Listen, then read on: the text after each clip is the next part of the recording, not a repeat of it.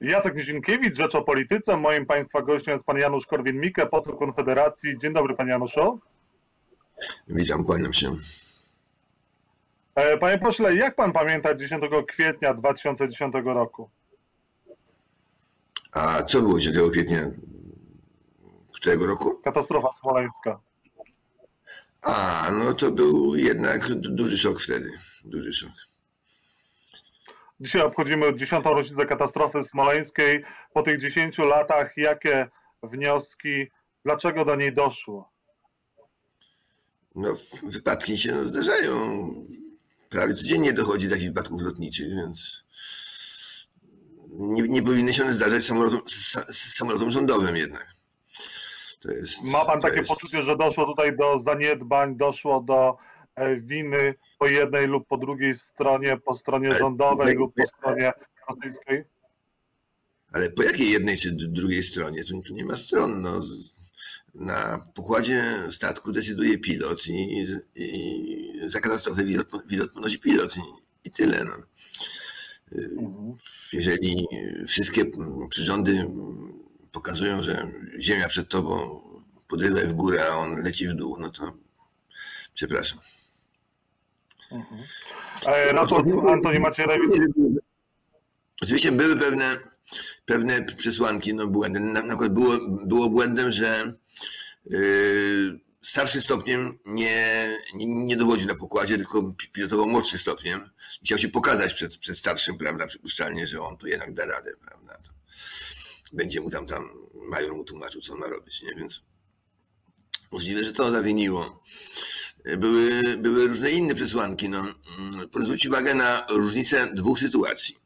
Jedna jest taka, że nieco wcześniej świętej pamięci e, Lech Kaczyński leciał do Tbilisi i, i, wtedy, i wtedy e, była obawa, że samolot zostanie zestrzelony.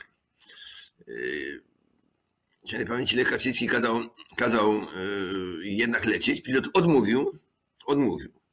I to jest skandal, ponieważ y, to były przyczyny polityczne i na polityce lepiej znać się prezydent niż, niż pilot.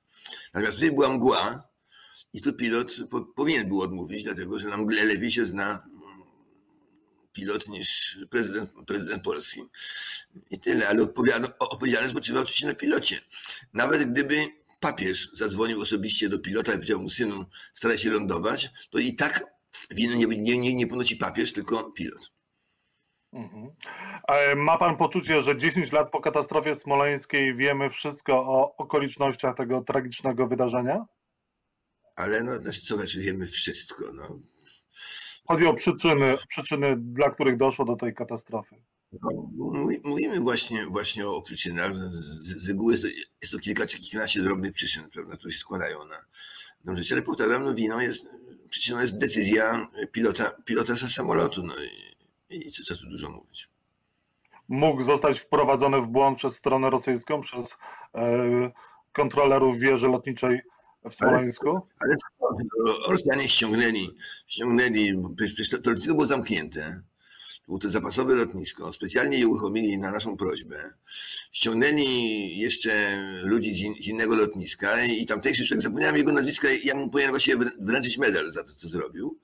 E, ten człowiek, zresztą nieco pijany, nieco pijany, jak to u nich w obyczaju, wrzeszczał po trzy kropki. Oni tu lądują, niech do, do, i tak dalej na, na, na, inne lotnisko, prawda? No, ale, ale, Polacy się uparli, że wylądują, no więc co robić? No. Mhm. E, panie Januszu, raport Antoniego Macierewicza podkomisji smoleńskiej wkrótce się ukaże. On przedstawi prawdę. Antoni Macierewicz e, przyczynił się do tego, żebyśmy dowiedzieli się o wszystkich szczegółach tej katastrofy? Nie, no żarty w ogóle. Antoni Macierewicz jak po tej katastrofie poleciał do Smoleńska i, i w ogóle zamiast, zamiast oglądać pole katastrofy, to poszedł sobie na obiad, prawda? Więc to jest, to jest w ogóle jakaś jakaś rzecz. Ta cała komisja po prostu jest śmieszna. Ja pamiętam, e, PiS dostał histerii e, autentycznej. E, pamiętam, jak było takie klub Ronina, taki klub dziennikarzy, sympatyków PiSu i oni naprawdę wierzyli, jak do, do nich chodziłem. Co tydzień była nowa wersja. Pierwsza to była taka, że Rosjanie specjalnie zrobili chmury, specjalnie zrobili mgłę na przestrzeni tam 5000 km kwadratowych po to, żeby się rozbił. Powiedziałem, to nonsens, bo wtedy by mogli nie wylądować. No to potem była teoria, że to był wielki magnes. Rosjanie zainstallowali wielki magnes i ten magnes ściągnął samolot na ziemię. No, to ustalono, że się magnes nie, nie idzie, to ustalono, że sprowadzili wielką bańkę helu i wypuścili ten hel z jakichś cystern i samolot spadł tę bańkę. Ci ludzie w to wierzyli, rozumie pan? Ci ludzie naprawdę wierzyli w tego typu kompletne bzdury. Potem bomba próżniowa, potem coś tam. Za wszelką cenę oni chcieli uwierzyć, że to za odpowiedzialne są Rosjanie. No, po prostu jest śmieszne, no, cały świat, świat się z tego śmieje. Gdyby nie to jest tragedia, to też bym się śmiał, prawda? No, ale to, to, jednak, to jednak jest tragedia. Natomiast no, Macierewicz robi, robi z tej tragedii no po prostu komedię. No.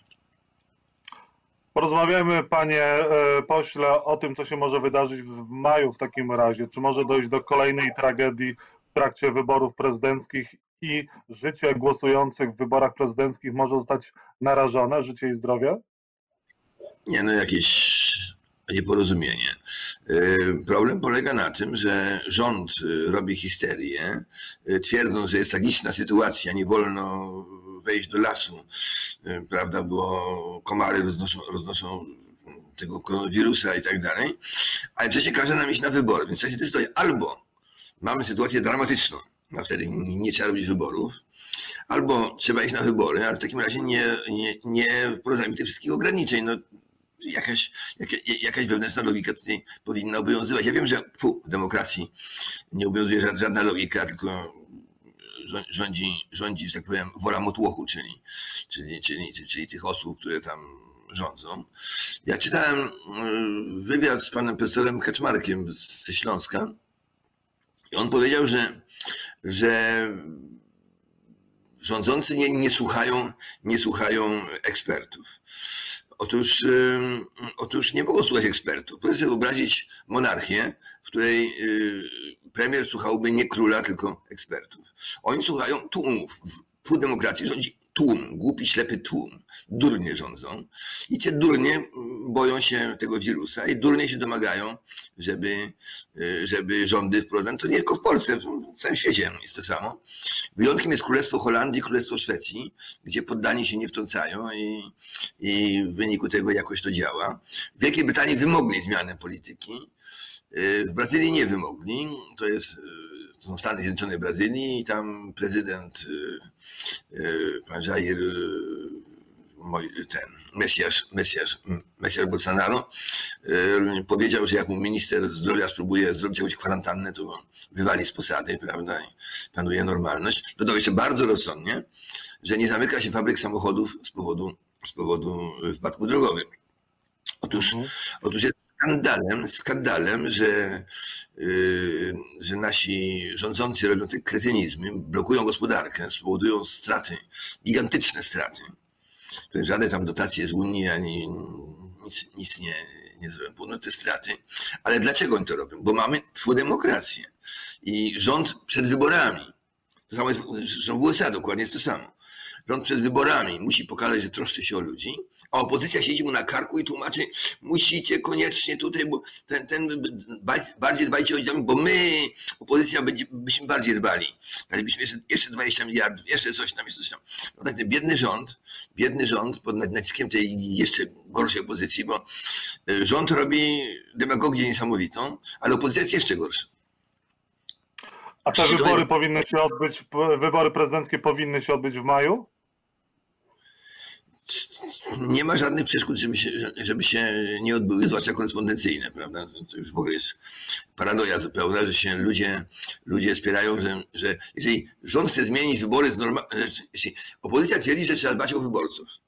Jeżeli rząd chce zmienić wybory z takich, gdzie ludzie idą do urn, na takich, gdzie nic, żadne zarażenie ludziom nie grozi, to opozycja też atakuje rząd, prawda? No to jest, to jest, jakaś, to jest jakaś histeria. Na, na, Konfederacja też E, nie chciała tych wyborów korespondencyjnych, ale nie, nie dlatego się boimy o wyborców, tylko, tylko boimy się, że PiS sfałszuje wybory. No, niestety mamy o PiSie jak, naj, jak najlepszą opinię, przez najlepszą mówię, to jest partia półdemokratyczna, więc, więc jak to pół demokracji, prawda, będzie kłamała, oszukiwała, fałszowała i tak dalej, bo na, na tym polega ten ustrój.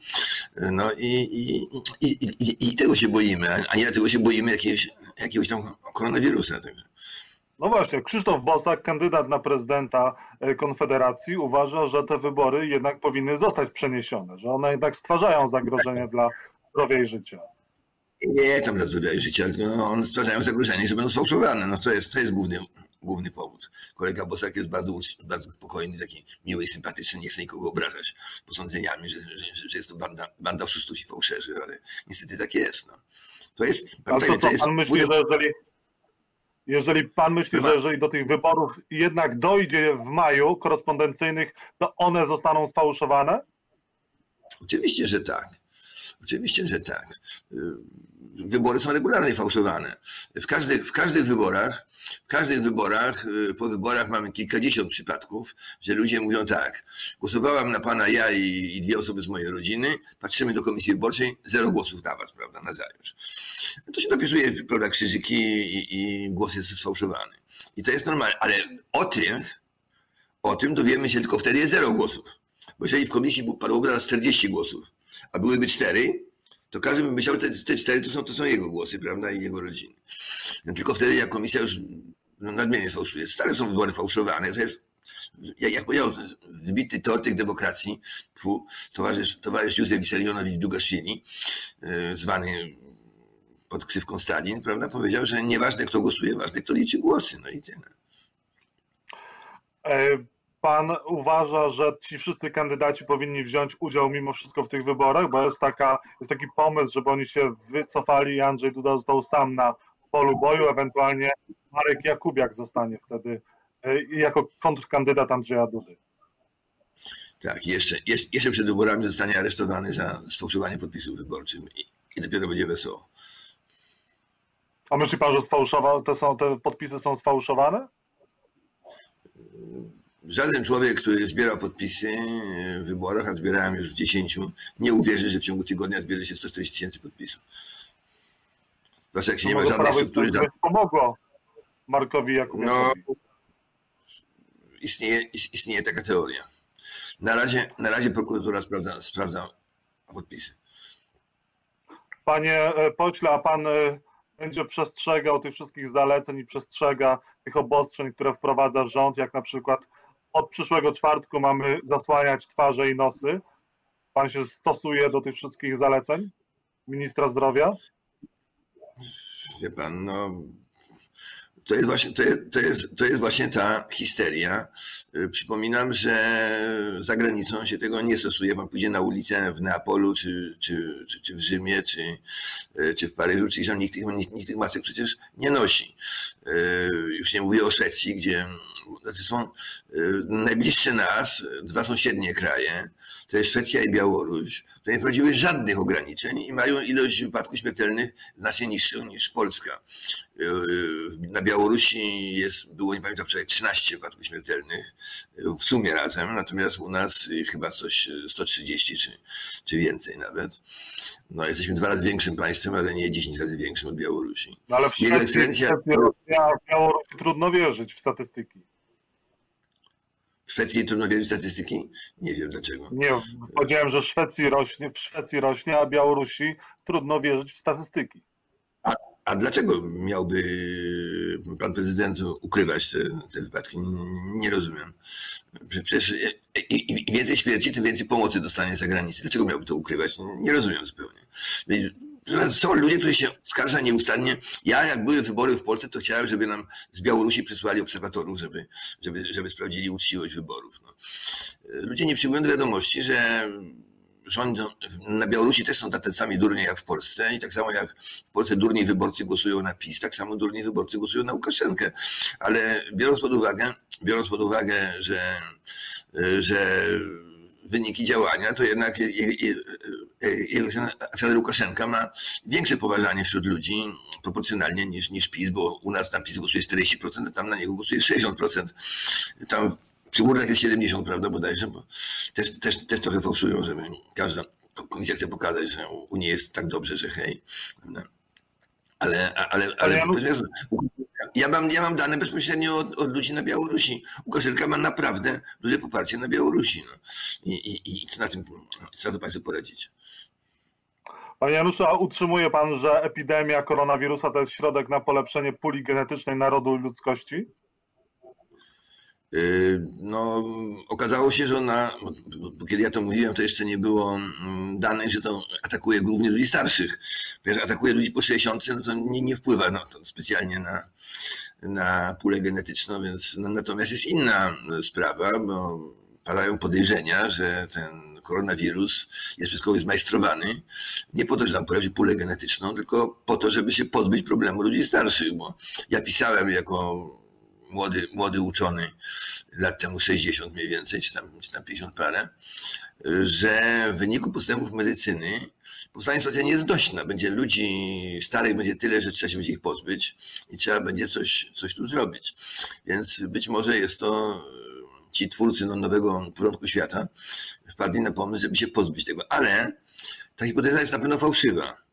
Bo gdyby zrobili to Amerykanie, to by to nie robili u Chińczyków, tylko u siebie, no bo jak polepszyć sytuację, to u siebie trzeba by zrobić, żeby polepszyć, prawda?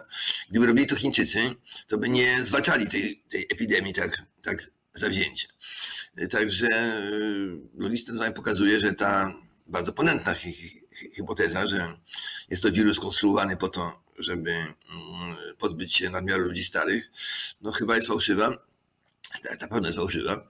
Natomiast co jest, co jest ciekawe, to jest COVID-19 to jest wersja y, wirusa SARS i ktoś w Ameryce parę lat temu opatentował tego wirusa. Y, to jest pytanie, dlaczego ludzie patentują no, śmiertelnie, śmiertelną bakterię, znaczy śmiertelnego wirusa i do jakich celów? No, to jest ciekawe. Panie Januszu, jak pan jako liberał gospodarczy ocenia działanie rządu e, mające na celu pomóc przedsiębiorcom, e, pracodawcom, pracownikom. Jak pan ocenia tarczę antykryzysową, te 221 miliard, milionów złotych pomoże? Proszę pana, Polska ponosi straty po kilkanaście miliardów e, euro dziennie z powodu zarządzeń rządu, nie z powodu koronawirusa. Z powodu zarządzeń rządu. To rząd powoduje po pierwsze histerię, a po drugie wydaje zarządzenia i Sejm wydaje ustawy, w wyniku których powstają potworne straty gospodarcze. I rząd nie powinien, nie powinien dawać przedsiębiorcom tam pożyczki 500 zł, czy tam 5 tysięcy nawet, tylko powinien zapłacić odszkodowania.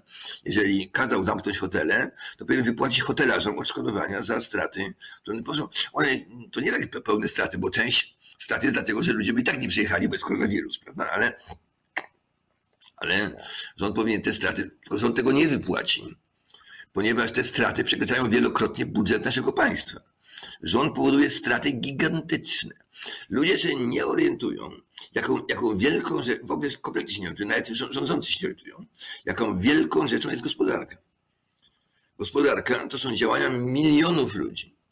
Jeżeli ja robię tej, w tej chwili, prawda, półeczkę, o na przykład w tej chwili właśnie, żeby móc przemawiać w Sejmie, to taką sobie zrobiłem półeczkę, prawda, żeby w 10 minut zrobiłem, żeby tu postawić sobie tablet i, i, i móc przemawiać. No, to jest to też fragment gospodarki, tego pan nie widział, to nie jest opodatkowane, ale to jest gospodarka.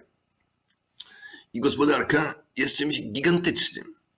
I przez te wszystkie zarządzenia, gdzie ja na przykład y, po to, żeby przyciąć płytkę glazurniczą, y, płytkę glazury, jedną płytkę, normalnie by mi to zajęło 5 minut, a w wyniku, a w wyniku y, tych zarządzeń zajmuje mi to 40, powiedzmy sobie, muszę kombinować, etc., to to oznacza, że poniosłem stratę, no bo mój czas się liczy, prawda? Mój czas się, to jest strata, time is money. Czas to pieniądz. I to jest strata, której rząd mi nie zwróci. Także Także no dobrze, panie Januszu, ale rząd, mhm. ale rząd proponuje 220 miliardów złotych na tarczę i teraz 100 miliardów złotych dla polskich firm. Bezpośrednio y, płynność finansową mają wzmocnić tych firm. Ale kto za to zapłaci, pytam się. Kto zapłaci? Pieniądze, Zapłacą... pieniądze z budżetu państwa. No, ale, ale kto za to zapłaci? Zapłaci biedna, szara babcia z Mławy, która żadnej rekompensaty nie dostanie. Ja się pytam, dlaczego dbamy o interes szewców a nie o interes tych, co noszą buty? Dlaczego dbamy o interes krawców, a nie tych, co noszą ubrania? Dlaczego dbamy o interes kolejarzy, a nie o interes pasażerów kolei? Bo rządzi komunizm, socjalizm, socjalizm jest dobro człowieka pracy, a nie dobro konsumenta. A gospodarka jest po to, żeby dobrze mieć konsumenci, a nie ludzie pracy. I jeszcze no raz. I co pan by proponował bezpośrednio dla przedsiębiorców, dla pracowników, dla szewca, jak i tych, którzy noszą buty? Zlikwidować, zlikwidować ograniczenia, zlikwidować wszelkie ograniczenia, które narzucił rząd, wszelkie ograniczenia, bo, bo, bo co, z tego, co z tego, że rząd da pieniądze procentowi serów, skoro po pierwsze yy, ludzie nie mają pieniędzy, żeby kupić sera, bo, bo, bo, zrobił inflację, prawda, i wszystko drożeje, a po drugie pozamykał targowiska. No to co z tego, że, że, że ten producent seru będzie, będzie robił te sery, prawda? Rząd musi te wszystkie rozwiązania, wszystkie powtarzam. Całą tarczę trzeba zlikwidować. To tarcza powoduje yy, straty i, i, i to w bilionach, nie w miliardach, w bilionach złotych. To ta właśnie tarcza szkodzi gospodarce. Trzeba ją zlikwidować. Panie e, pośle, czy Sejm powinien przegłosować projekt Kai Godek o zakazie aborcji eugenicznej, który teraz e, wejdzie pod obrady? Proszę pana, ja jestem przeciwnikiem aborcji, żeby to powiedzieć jasno, natomiast e, pytanie jest jedno. Czy rzeczywiście ten płód który nosi kobieta, jest człowiekiem, y, czy jest być może już tylko czymś, co się nigdy nie będzie, nie będzie w stanie żyć, prawda? Y, to jest kwestia sumienia lekarza, bo trzeba chronić życie ludzkie, natomiast niekoniecznie trzeba chronić życie, życie kogoś, kto człowiekiem nigdy, nigdy nie, był, nie był, nie jest i nie będzie. Y, natomiast chciałbym podnieść, podnieść jeszcze jedną kwestię podstawową. Mianowicie, co z prawami ojca? Jak to jest, że kobieta może zdecydować o zabiciu dziecka, a ojciec tego dziecka nie ma takiego prawa? Jak to jest? Że najpierw, najpierw trzeba spytać ojca. E, trzeba spytać ojca, czy, czy, czy zgadza się na, na, na zabicie jego dziecka. Dlaczego, dlaczego ja mam płacić alimenty, jeżeli urodzenie dziecka zależy wyłącznie od kobiety, a nie od mężczyzny? Dlaczego ja potem płacić alimenty? Czy to ona zdecydowała, nie ja, tak? Przepraszam bardzo jeszcze, jeszcze raz. Co to jest? To jest bardzo ważny element ograniczenia aborcji. Kobieta powinna przedstawić zaświadczenie. Ja, Janusz Kowalski, Janusz Kowalski, y, uznaję to dziecko za swoje i wyrażam zgodę na jego zabicie. O, to nie byłoby tak łatwo taki papierek podpisać. Tym bardziej, że kobieta mogła potem, potem ten papierek wziąć, a potem, a potem yy, się nie zgłosić i mieć dowód, dowód że on uznał, uznał dziecko za swoje. O, to by Czy bardzo to Konfederacja zagłosuje przeciwko? Pan zagłosuje przeciwko? Czy będziecie chcieli, żeby tam y, nad tą ustawą dłużej debatować? Bo też ona została w takim dziwnym momencie, w trudnym momencie epidemii właśnie wrzucona do Sejmu. Czy też wyciągnięta z zamrażarki sejmowej, precyzyjnie mówiąc. Jest to trudny moment, y, trudny moment, y, natomiast y, oczywiście y, no,